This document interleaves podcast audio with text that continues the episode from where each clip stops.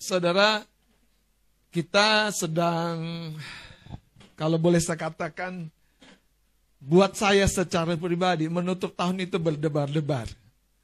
Karena biasanya menutup tahun itu ada perhitungan bonus. Tapi Alkitab juga berkata, melintasi pergantian tahun, dunia rohani ini juga mengalami sebuah gejolak yang besar. Makanya saudara Daud jatuh dalam dosa yang terkenal di Alkitab pada masa pergantian tahun. Yaitu dengan Barseba. Dan saudara, pada masa pergantian tahun juga kalau Anda baca di Alkitab, itu biasanya raja-raja men-setting kerajaannya, fokus kerajaannya, itu untuk ekspansi, untuk berperang. Makanya saudara, engkau dan saya harus setting mode, mode hidupmu, mode fighting. Anda harus berjuang, Anda harus mengambil satu kesadaran, aku tidak boleh santai sekalipun aku sedang rekreasi, aku santainya itu secara roh, secara lahiriah boleh, tapi rohani jangan maksud saya. Karena nggak ada yang salah toh, Anda bisa berlibur, tapi tetap berdoa lah, tetap baca firman Tuhan, tetap bangun pagi lah. Amin. Mari kita akan belajar saudara dari satu tema yang yang ini uh, nggak tahu nanti bagaimana ke depan, tapi saya lihat ini cukup dalam. Karena uh, dari Mazmur 19 ayat 1 sampai 4 sekalipun yang kita baca adalah perkara-perkara lahiriah di dalam firman, tapi semuanya itu punya punya pesan yang sangat rohani. Dari Mazmur 19 ayat 1 sampai 4 saya beri judul renungan pelajaran pagi hari ini efek gelombang. Kalau Anda dengar perkataan efek gelombang, biasanya yang suka fisika, pengetahuan alam itu tahu saudara. Kita bisa ngomong di sini, suaranya di sana. Ya kan? Oh itu luar biasa saudara Betul-betul luar biasa saudara. Karena gelombang yang menghubungkan kita di belahan dunia yang berbeda sangat-sangat jauh. Betul nggak? Gelombang. Gelombang. Mungkin Anda berpikir gelombang apa? Gelombang elektromagnetik. Kita bisa tap-tap wajah sekalipun rasanya tuh mungkin berapa ribu kilometer jauh di sana.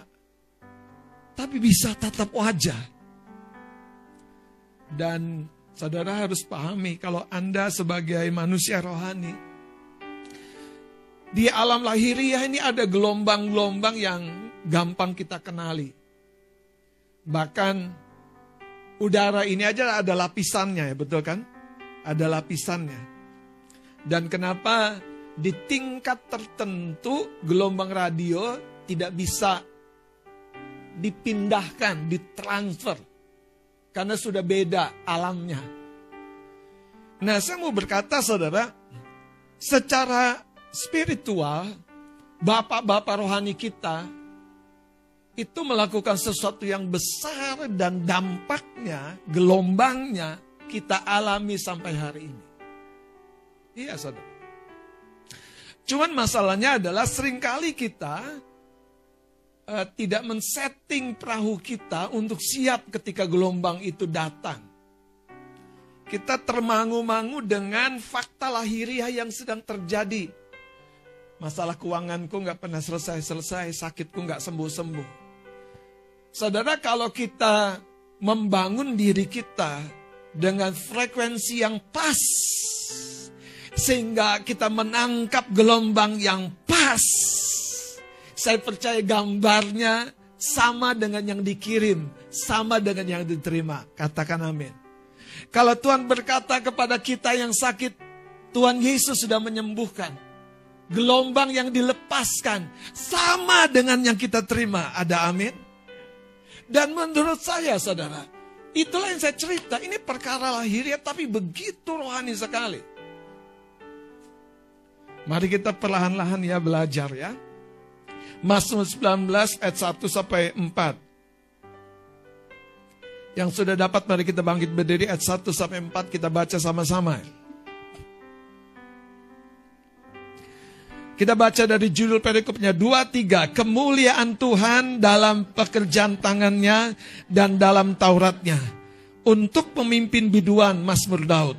Langit menceritakan kemuliaan Allah dan cakrawala memberitakan pekerjaan tangannya.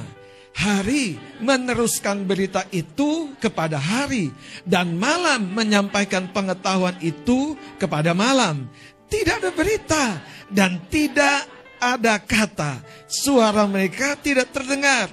Tetapi dan perkataan mereka sampai ke ujung bumi sampai di situ. Anda perhatikan, nggak ada kata-kata, nggak ada suara, yang tersampaikan apa? Ehonya, yang tersampaikan apa? Gemanya, yang tersampaikan gelombangnya. Wow, ini Alkitab yang tulis, saudara. Silakan duduk. Saya berdoa kita tangkap dengan satu kesadaran bahwa hidup kita ini dilingkupi dengan gelombang rohani yang besar sekali, saudara. Yang sudah dilepaskan oleh bapak-bapak rohani. Masalahnya adalah seperti Yesaya 60 berkata, bangkitlah sebab terangmu datang. Dan seluruh bumi ini penuh dengan kegelapan. Jadi kegelapan justru ada sebuah panggilan untuk kita bangkit. Nah, mari kita lihat saudara, ayat yang pertama. Langit menceritakan kemuliaan Allah. Langit menceritakan kemuliaan Allah. Jadi ada kemuliaan Allah. Bukan hanya di manusia, tapi di langit. Mungkin kita berkata, yang mana? Yang kita Terima sinarnya ini. Siapa yang menjadikan? Dia sang pencipta. Bagaimana menjadikan sebuah benda yang bisa menerangi. Ya kalau belajar fisika tahu ya. Itu besar sekali pengaruhnya saudara. Matahari itu. Terus. Dikatakan apa? Cakrawala memberitakan pekerjaan tangannya. Cakrawala ini bicara tentang batas-batas apa namanya? Horizon pemandangan kita. Kalau kita lihat ke sana, kita lihat sesuatu, kita lihat ke sana, kita lihat sesuatu yang tidak diciptakan oleh tangan manusia, Saudara. Tidak. Tapi Tuhan yang menciptakan. Orang Jepang punya teknologi tinggi sekali. Mereka sudah zaman robot. Mereka nggak ada mbak spesial lagi kasih. sudah pijit tombol, program jalan. Siapa namanya Lula pasti beres. Kasih makan diatur jatahnya. Polanya diatur, dipijit semuanya terjadi. Saudara. Tapi mereka juga tidak bisa menyangkali. Nah ini yang saya mau ceritakan saudara. Ada banyak yang tidak bisa disangkali yang sudah dikerjakan oleh Tuhan Yesus di kayu salib. Itu gelombangnya hari ini ketika Injil diberitakan, kita tangkap saudara. Dan ketika engkau tangkap gelombang yang sama itu, Anda harusnya menerima gambar yang sama, efek yang sama. Karya penebusan bukan tinggal tersangkut maaf di kayu salib. Tapi justru dari sana saudara ke kita. Masalahnya engkau dan saya tidak men-setting frekuensi penerimaan Anda pada fokus yang persis. Dan engkau berkata hidupku tahun 2023 tidak tunggu 2024 akan mengalami pergeseran, perubahan. Aku akan mengalami kesembuhan. Aku tidak mungkin lagi Tuhan biarkan jadi bokek. Haleluya. Tuhan membuatku diberkati dan menjadi berkat. Aminnya kok kecil ya? Amin. Haleluya. Jangan-jangan kita semua memang betul-betul sudah siap jadi berkat, jadi tidak perlu diberkati lagi.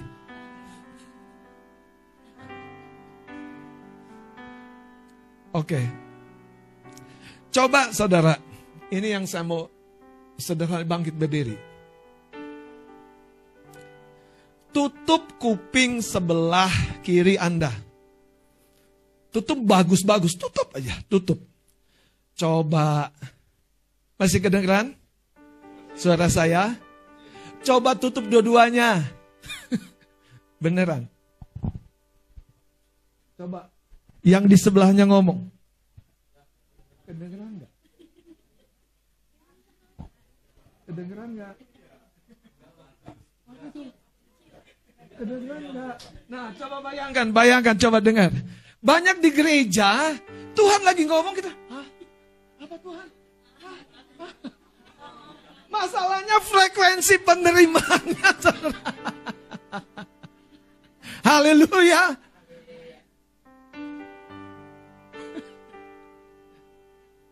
Oke. Coba. Ini testing ya. Mohon bantuannya. Kadia sama kasih maju ke depan. Karena karena ini benar. Kadia di sini deh supaya masuk Facebook. sama kasih. Oke. Berhadap-hadapan. Coba halo. Eh benar benar. Halo. Halo. How are you? Fine. Coba balik arah. Kasih aja. Nah, ya. Coba, Kadea halo. Kasih jawab. Coba Kadea ngadep sana. Terus ngomong tuh. Ngomong sama siapa lo?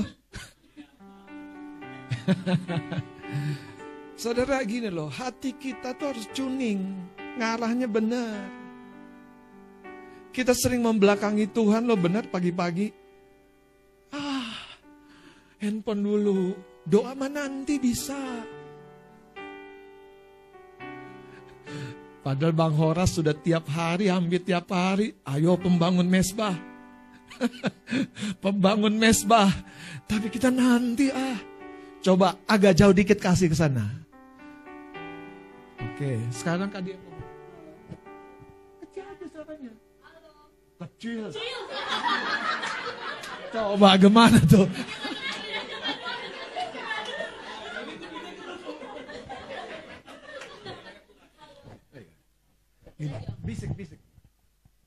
Kasih dengar? Oke. Okay. Uh, kayak yang sini. Sini. Sini. Arahkan kupingmu ke mulutnya ke dia. Jangan nempel deket aja. Kak dia bisikan sesuatu. Eh kasih sana.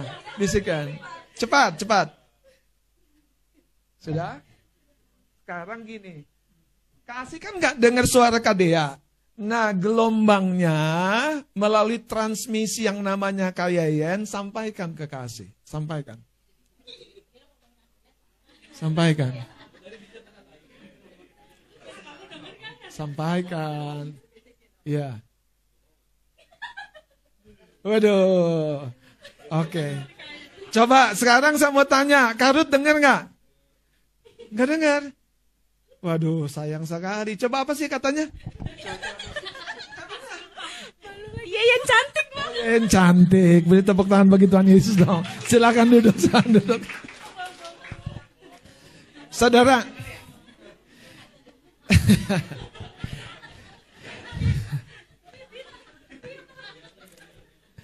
Coba baca ayat yang pertama. Ayat yang pertama. Langit menceritakan kemuliaan Allah. Dan cakrawala memberitakan pekerjaan tangannya. Ayat duanya hari meneruskan kepada hari. Jadi ada sebuah transmisi yang terjadi tanpa suara. Suara sesuatu yang gelombang secara fisik. Nah ini yang saya mau bilang saudara, di alam rohani ini sebetulnya, oh meriah sekali saudara. Terus lihat ayat 2-nya. Hari meneruskan berita itu kepada hari. Dan malam menyampaikan apa? Pengetahuan kepada malam. Menarik ya. Hari meneruskan berita itu kepada hari. Tapi ada satu understanding, pemahaman yang disampaikan malam kepada malam. Ayat tiganya, tidak ada berita dan tidak ada kata. Suara mereka tidak terdengar. Kekasih-kekasih Tuhan, kalau kita membaca Alkitab, sebetulnya kita sedang memasuki tadi proses mendengar apa yang disampaikan oleh Kak Dea melalui Kak Yeyen kepada kasih. Ya tidak langsung, tapi kalau penyampainya dapat dipercaya, nggak usah ditambah, nggak usah dikurangi. Betul kan kalian kan, cantik kan? Waduh, ini kayaknya ada gangguan koneksi, saudara. Jadi Anda paham nggak? Bahwa firman itu nggak main-main. Dia sedang meneruskan gelombang yang ketika Yesus merentangkan tangan di kayu salib berkata, sudah selesai, it is finished. Sudah selesai. Tapi sayangnya, bagi banyak orang yang tidak menangkap berita ini, setan punya kesempatan untuk memasuki dusta. Sehingga dia punya pekerjaan dan mengolah ketidakmengertian kita. Sehingga itu menjadi dampak yang paling buruk. Dalam keuangan, dalam hubungan, dalam kesehatan. Semuanya saudara. Masalahnya setan udah dikalahkan. Tapi dia sembunyikan berita itu Supaya kita menangkapnya, ah itu kan kata orang saja. Ah itu kan beberapa orang saja yang mendapat. Aku nggak bisa. Tuhan sudah menyelesaikannya 2000 tahun yang lalu. Dan gelombangnya ini terus. Satu kali saudara, Petrus dengan Yohanes menjumpai orang lumpuh di gerbang Bet Allah dan berkata, emas perak tidak aku punya, tapi dalam nama Yesus bangkit dan berjalanlah. Bangkit dan berjalanlah. Petrus dan Yohanes itu seperti Yeyan. Bangkit dan berjalanlah.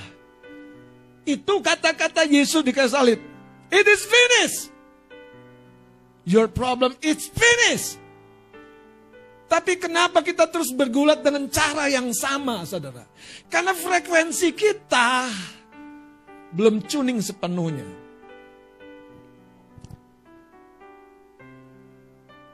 Ini beneran saudara, saya lompat dulu deh. Supaya di area ini kita jelas. Efesus pasal yang keempat. Kalau gelombang kita belum tuning, frekuensi kita belum nangkap saudara.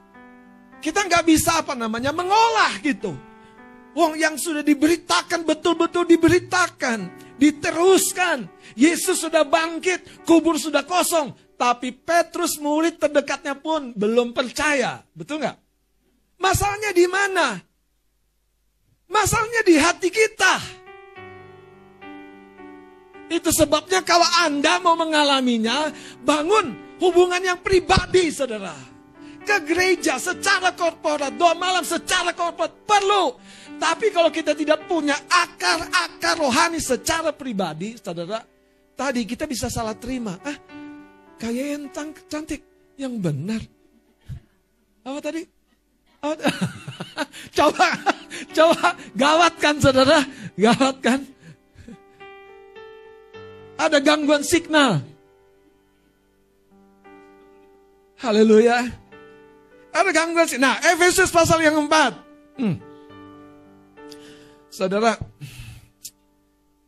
mungkin ada bertanya, Om, yang dimaksud pemancar penerima kita tuh yang mana? Ya hati kita, hati kita ada yang mana?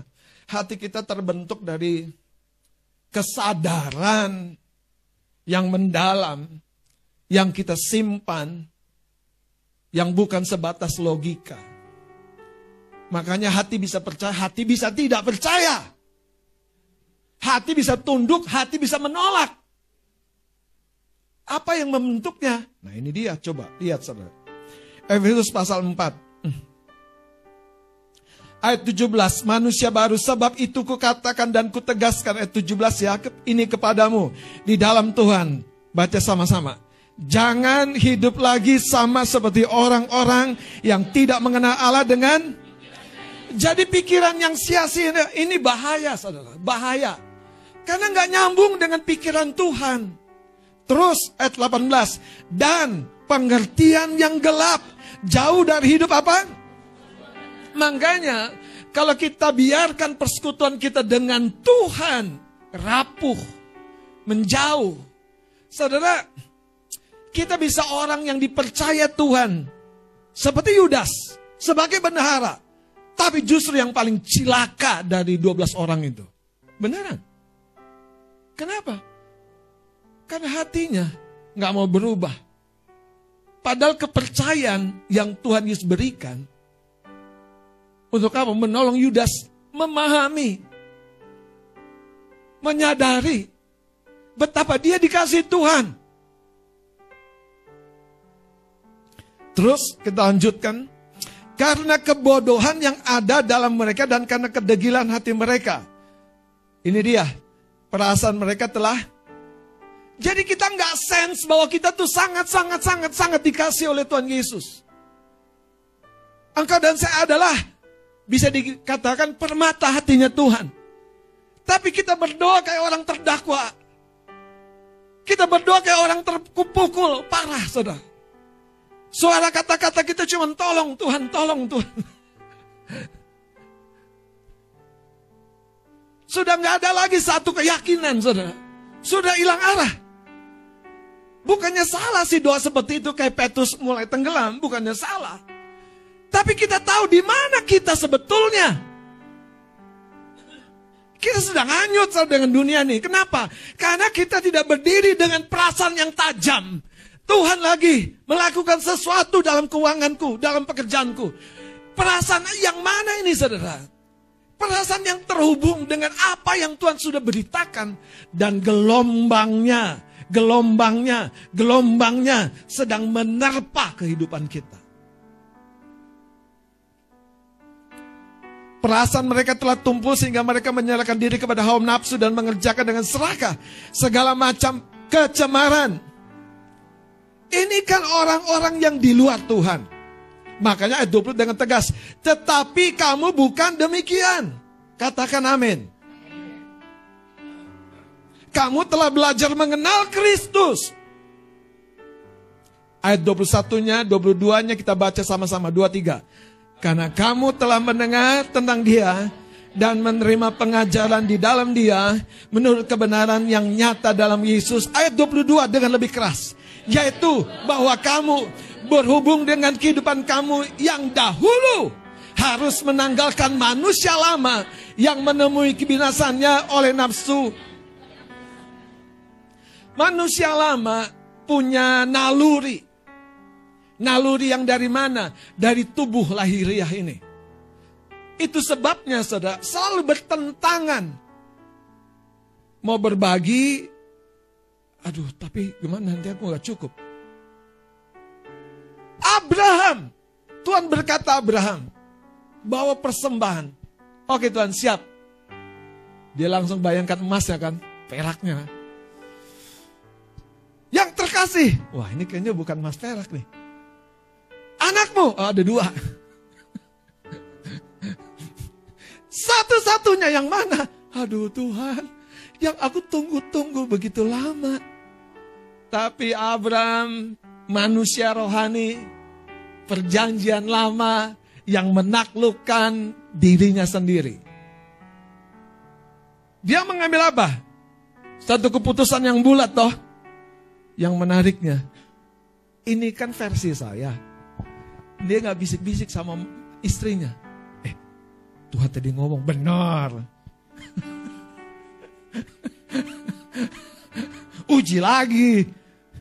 Emang anak kita ada berapa? Itu yang itu aja tuh suruh sekolah kita tuh. Ke mana Dada? Mana Bang Billy? tuh yang itu aja tuh suruh sekolah kitab. Bener gak sih Tuhan ngomongnya uji lagi? Makanya saudara kalau Anda kenali Tuhan day by day. Anak tangga demi anak tangga. Dia tuh nggak pernah tiba-tiba, saudara. Nggak pernah tiba-tiba. Abraham itu diuji di levelnya. Ayub itu diuji di levelnya. Makanya jangan mikir Tuhan akan uji Anda seperti Ayub. Kejauhan. Kejauhan, saudara. Hah? Jauh banget. Jangan mimpi Anda diuji seperti Ayub. Anda tahu kan? Usahanya hancur, babak belur semuanya. Keluarganya, anaknya mati semuanya. Istrinya mengutuki yang terakhir. Barah semuanya, sakit. Haleluya. Makanya saya mau kasih tahu, yang paling, paling, paling, paling, paling ditunggu setan, perkataan sia-sia. Perkataan negatif, perkataan kosong. Tapi itu yang dikuatkan di dalam batinnya. Aku nggak bisa menyangkali kalau ini pun buruk dari Tuhan. Aku telah begitu dikenyangkan dengan yang baik. Makanya jangan sedikit-dikit ngeluh. Colek kanan kirinya. Dengerin tuh Pak Pendeta.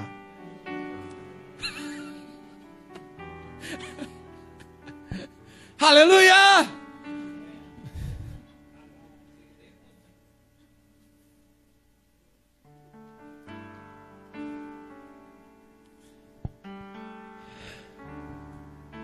Coba lihat saudara F22. Yaitu kamu berhubung dengan kehidupan kamu yang dahulu. Harus apa? Harus apa? Harus menanggalkan manusia lama. Manusia lama yang bagaimana dikasih sebuah kejelasan yang akurat. Yang apa? Jadi manusia lama kita tuh diprogram untuk kegagalan. Itu makna ayat ini menemui kebinasannya. Manusia lama kita tuh diprogram untuk apa? Kehancuran kita. Manusia lama kita diprogram dengan tadi nalurinya untuk menjauhi mesbah doa. Untuk mengecilkan api mesbah kita. Tapi kalau Anda jadi manusia baru, Anda menemukan tanggung jawab kesempatan Tuhan. Itu yang Abraham lakukan ketika membawa Ishak. Dan ini yang saya mau tunjukkan juga. Dampak gelombang dari ketaatan Abraham sampai kita. Sampai hari ini. Kita menerima berkat sebagai keturunan dan benih Abraham oleh Yesus Kristus.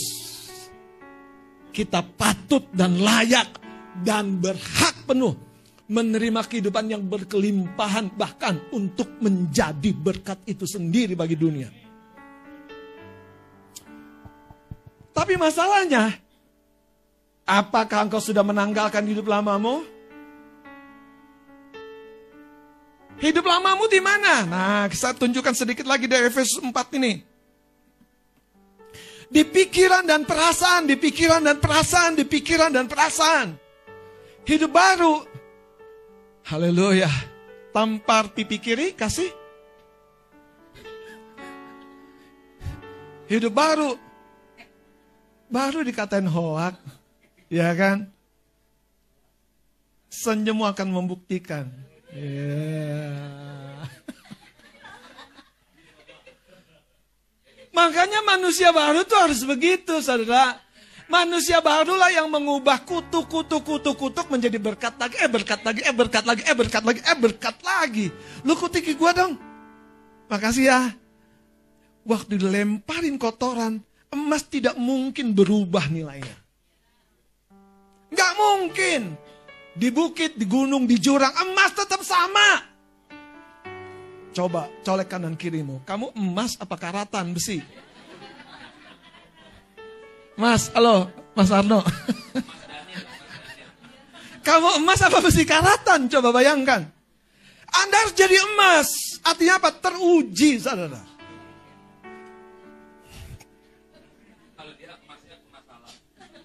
Saudara, dengerin saya. Setiap pionir-pionir, pembuka jalan, pembuka bisnis-bisnis baru. Tantangannya adalah selalu. Selalu. Pikirannya sendiri. Bisa nggak ya? Ada yang beli nggak ya? Jadi nggak ya? Halo? Kalau orang itu tenggelam dalam pikiran dan perasaannya, nggak ada Colonel Sanders. Nggak ada, saudara. Nggak ada Kentucky Fried Chicken. Nggak ada, saudara. Orang yang sudah lanjut usia, betul nggak? Betul nggak? Sudah mantan. Makanya kalau jadi mantan tenang aja. Nilai jual Anda nggak jadi turun. Katakan amin. Aku juga mantan. Mantan pegawai. Sembilan tahun jadi pegawai kantoran. Haleluya.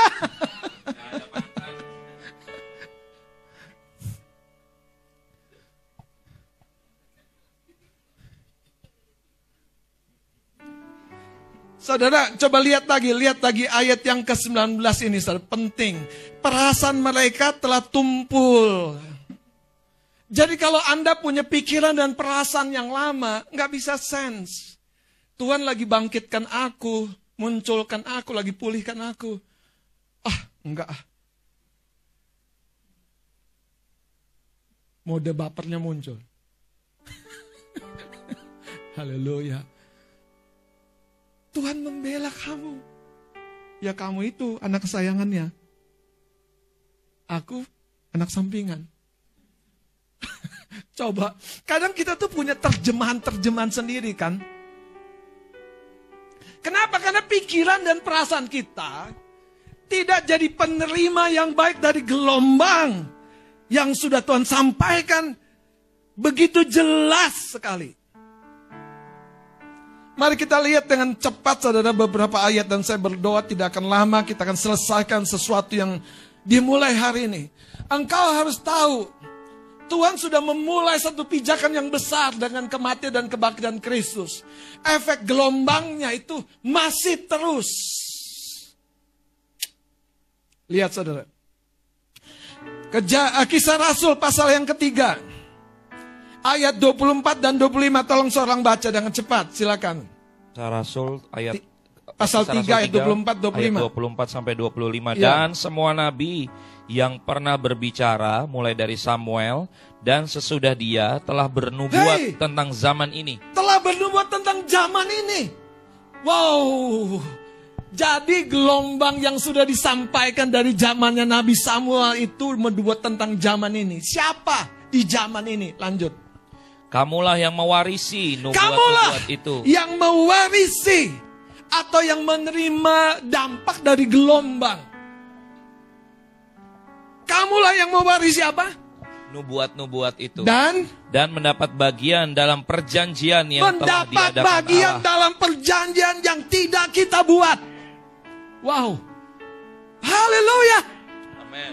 Gak ada namamu. Tapi tiba-tiba ada transfer masuk.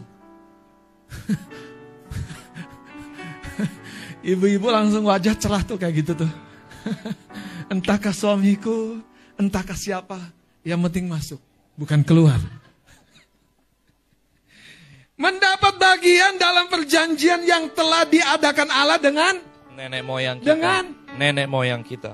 Dengan Mas Adit? Enggak, Bang. Enggak kan? Nenek. Dengan nenek moyang. Tapi nanti saya mau tunjuk saudara. Ini sisi yang besar yang Tuhan mau kerjakan dari sisi kebenaran. Tapi di sisi kegelapan, setan juga memanfaatkan efek gelombang. Waktu orang tua kita terlibat dengan okultisme, waktu orang tua kita terlibat dengan kejahatan, waktu orang tua membiarkan saudara sesuatu itu terjadi turun saudara. Anak kita mewarisi apa yang mereka biasakan, apa yang mereka lakukan saudara. Makanya efek gelombang secara positif dan negatif terus berlanjut, terus terjadi. Gereja punya panggilan untuk mengubah gelombang-gelombang yang negatif, yang buruk menjadi positif. Saya sekali lagi berkata begini saudara, setiap hal yang baik yang tidak engkau pertahankan akan diduduki musuh. Itu prinsipnya sederhana sekali. Setiap hal yang baik, hubungan yang baik akan mulai masuk asumsi, cemburu, pikiran kosong, semua masuk. Praduga. Tapi kalau engkau pertahankan dan bangun saudara, engkau akan menikmatinya. Lanjutkan dikatakan. Ketika ia berfirman kepada Abraham. Ya, jadi firmannya kepada siapa? Abraham. Kepada siapa?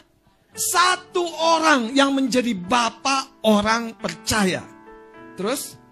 Oleh keturunanmu semua bangsa di muka bumi akan diberkati. Wow. Kekasih-kekasih Tuhan, mari kita hidup dengan frekuensi yang sama. Sehingga gelombang yang sedang terjadi ini tidak lewat begitu saja. Kita bukan dihanyutkan oleh gelombang dunia kap, tapi kita sedang dibawa dengan gelombang dan gelora Injil untuk memasuki kemuliaan, untuk memasuki kemenangan, untuk memasuki kelepasan, untuk memasuki kesembuhan. Haleluya. Saya mau tuntaskan dengan kitab kejadian. Mari kita akan lihat kitab kejadian pasal yang ketiga. Pasal 3 ayat 12 tolong Mas Adit boleh baca lagi. Ini Mas yang beneran ini Mas Adit. Manusia itu menjawab, perempuan yang kau tempatkan di sisiku. Kejadian 3 ayat 17. Oh sorry, kejadian 3 ayat 17. Ya. Lalu firmannya kepada manusia Coba itu. perhatikan saudara, firman Tuhan kepada manusia itu, yaitu kepada Adam. Karena satu orang saja, satu orang saja. Terus. Karena engkau mendengarkan perkataan istrimu Hmm. dan memakan dari buah pohon Ya. yang telah kuperintahkan kepadamu, jangan makan daripadanya, maka terkutuklah tanah karena engkau. Iya. Dengan bersusah payah engkau akan mencari rezekimu dari tanah seumur hidupmu. Saudara tahu kutuk mengam- mengambil kebaikan-kebaikan yang sebelumnya sudah ada. Kutuk mengambil potensi-potensi yang sebetulnya memang sudah ada. Jadi Anda harus tahu, Tuhan sejak awal men- menciptakan kita menjadi manusia yang produktif, katakan amin. Betul-betul produktif dalam segala hal yang baik yang Tuhan rencanakan. Betul-betul. Tapi setan mencari-cari kesempatan. Melalui gelombang-gelombang yang dilepaskan di Taman Eden itu. Yaitu apa? Pencobaan, godaan. Dan ketika Hawa tergoda dan bicara kepada Adam, Adam pemegang keputusan. Sayangnya, mengambil keputusan yang salah yang dampaknya sampai sekarang. Kita lihat kitab kejadian sekarang saudara. Pasal yang ke-8. Ini menarik. Itu sebabnya pembangun-pembangun mesbah. Mari pertahankan mesbahmu. Saya lihat di sini Nuh adalah pembangun mesbah. Dan Tuhan berkenan bukan karena perbuatan yang lain. Tapi karena apa yang dipersembahkan di mesbah. Lihat kejadian 8 ayat 20. Ayo baca sama-sama. 2, 3. Lalu, Nuh mendirikan mesbah bagi Tuhan, dari segala binatang yang tidak haram dan, dari segala burung yang tidak haram, diambilnya beberapa ekor, lalu ia mempersembahkan korban bakaran di atas mesbah itu. Apakah ceritanya berhenti? Tidak, saudara. Ayat 21 kita baca lagi, 23. Ketika Tuhan mencium persembahan yang harum itu, berfirmanlah Tuhan dalam hatinya. Se- se- sebentar, saudara. Kita selalu pengen dengar suara Tuhan terdengar. Kita pengen dengar pesan Tuhan. Anda nggak belajar kenal hatinya Tuhanmu, Bapamu. Dia sering kali bicara seperti waktu Yesus keluar dari kolam dari sungai Yordan. Inilah anak yang kukenan. Itu untuk menyatakan kepada orang sekelilingnya. Bukan sebetulnya kepada pribadi Yesus sendiri. Makanya dibilang inilah. Tapi kalau untuk engkau pribadi, belajar kenal di hatimu. Tuhan tuh sering kali bilang, nakku, nakku. Dia tahu apa yang akurat, apa yang tepat, apa yang bijak, apa yang salah. Ayat ini selanjutnya berkata, Tuhan berfirmanlah Tuhan dalam hatinya. Baca terus sama-sama. Aku takkan mengutuk bumi ini lagi. Karena manusia sekalipun, Sekalipun yang, yang ditimbulkan ditimbulkan hatinya adalah jahat dari, sejak, sejak kecilnya. kecilnya. Dan, Dan aku takkan membinasakan lagi segala yang hidup seperti yang seperti telah yang telah kulakukan. kulakukan. Selama bumi Masih masih ada, ada, takkan takkan berhenti berhenti musim musim menabur, menabur dan dan menuai menuai, dingin, dan dingin dan panas, panas, kemarau dan hujan, siang, siang dan, dan malam. malam. Tuhan mau setiap musim menjadi musim di mana kita diberkati, bahkan menjadi berkat. Tuhan berkata, aku tidak akan membinasakan, bahkan mengutuk bumi lagi, karena manusia sekalipun yang ditimbulkan jahat hatinya. Sekarang kita masuk kepada perjanjian Allah dengan Nuh, kejadian 9. Jadi Abraham, Nuh, itu yang saya bilang, tokoh-tokoh, bapak-bapak, yang kita berkata di sana, dari sana hidupku, dari sana, apa yang mereka buat, harus berdampak, pasti berdampak. Kejadian 9 ayat 1 saya baca, perjanjian Allah dengan Nuh. Lalu Allah memberkati Nuh dan anak-anaknya serta berfirman kepada mereka beranak cuculah. Wow. Haleluya. Terus akan takut dan gentar kepadamu segala binatang di bumi dan segala burung di udara, segala yang bergerak, baca sama-sama di muka bumi dan segala ikan di laut jadi kalau Anda menghajar sesuatu binatang yang mengganggu rumahmu, nggak ada yang salah. Beneran orang di ketanganmu kata ayat ini. Terus yang menarik saudara ayat ayat tiganya baca segala, segala yang, yang bergerak, bergerak yang hidup akan menjadi, menjadi makananmu. makananmu. Jelas ya segala yang bergerak yang hidup akan menjadi makananmu. Terus Aku, aku telah, telah memberikan semuanya itu kepadamu, seperti juga tumbuh-tumbuhan hijau. Terus ayat 4. Hanya daging yang masih ada nyawanya, yakni darahnya, janganlah kamu makan. Jadi saudara, sebetulnya Tuhan berpihak kepada kita, pewaris-pewaris janji. Makanya waktu dia mencium bau harum mesbahnya Nuh, bumi mendapat dampak. Wow, Bumi, tanah, olahan mendapat berkat. Hari ini saudara, jangan lagi hidup dengan mentalitas yang kalah. Karena Tuhan sudah mengerjakan dan menggaungkan tiap-tiap pagi kemuliaannya, tiap-tiap malam hikmatnya. Tapi masalahnya apakah hatimu terkunci ke satu arah dalam hidup lamamu. Padahal Tuhan ngomong, Tuhan bicara, Tuhan memberikan arah. Saya berdoa saudara, kita mau dengan lebih sungguh-sungguh lagi mempersembahkan hidup lama kita di tangan Tuhan. Amin. Dan dengan cara itu hidup baru akan tumbuh sebagai benih.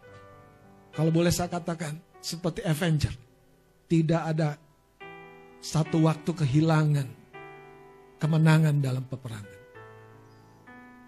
Never lose the battle. Iya saudara, masalahnya dari mana benihmu?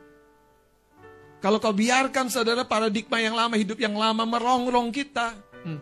Makanya berikan diri kita dibimbing, dituntun, ditolong. Amin.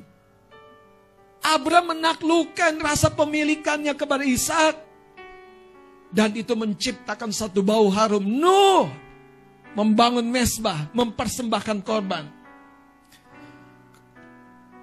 Sedikit saja ketika Hana berdoa. Dia menaklukkan keinginannya di mesbah. Makanya dibilang, yang kuminta satu orang anak laki-laki akan kupersembahkan. Kekasih-kekasih Tuhan. Di mana kita menaklukkan manusia lama kita. Keinginan kita di mesbah Tuhan. Dan di sana juga apa? Akan mengalir berkat. Bapak ibu saudara yang berumah tangga. Tuhan selalu di pihak kita. Gelombangnya tiap-tiap pagi berbicara. Tiap malam memberi insight di dalam. Memberi tuntunan di dalam. Hari ini jangan kehilangan satu hari tanpa mesbah dibangun. Ada amin. Ada amin. Saudara, hari meneruskan beritanya tanpa kata, tanpa suara. Dan Alkitab berkata, kitalah pewaris janji itu. Di akhir tahun ini, mari aktifkan mode fighting. Tiap pagi, tiap malam, jangan hanya saat teduh. Pagi, saat teduh malam. Dan saya percaya itu akan menjadi satu korban mesbah yang harum di hadapan Tuhan. Mari kita bangkit berdiri. Haleluya.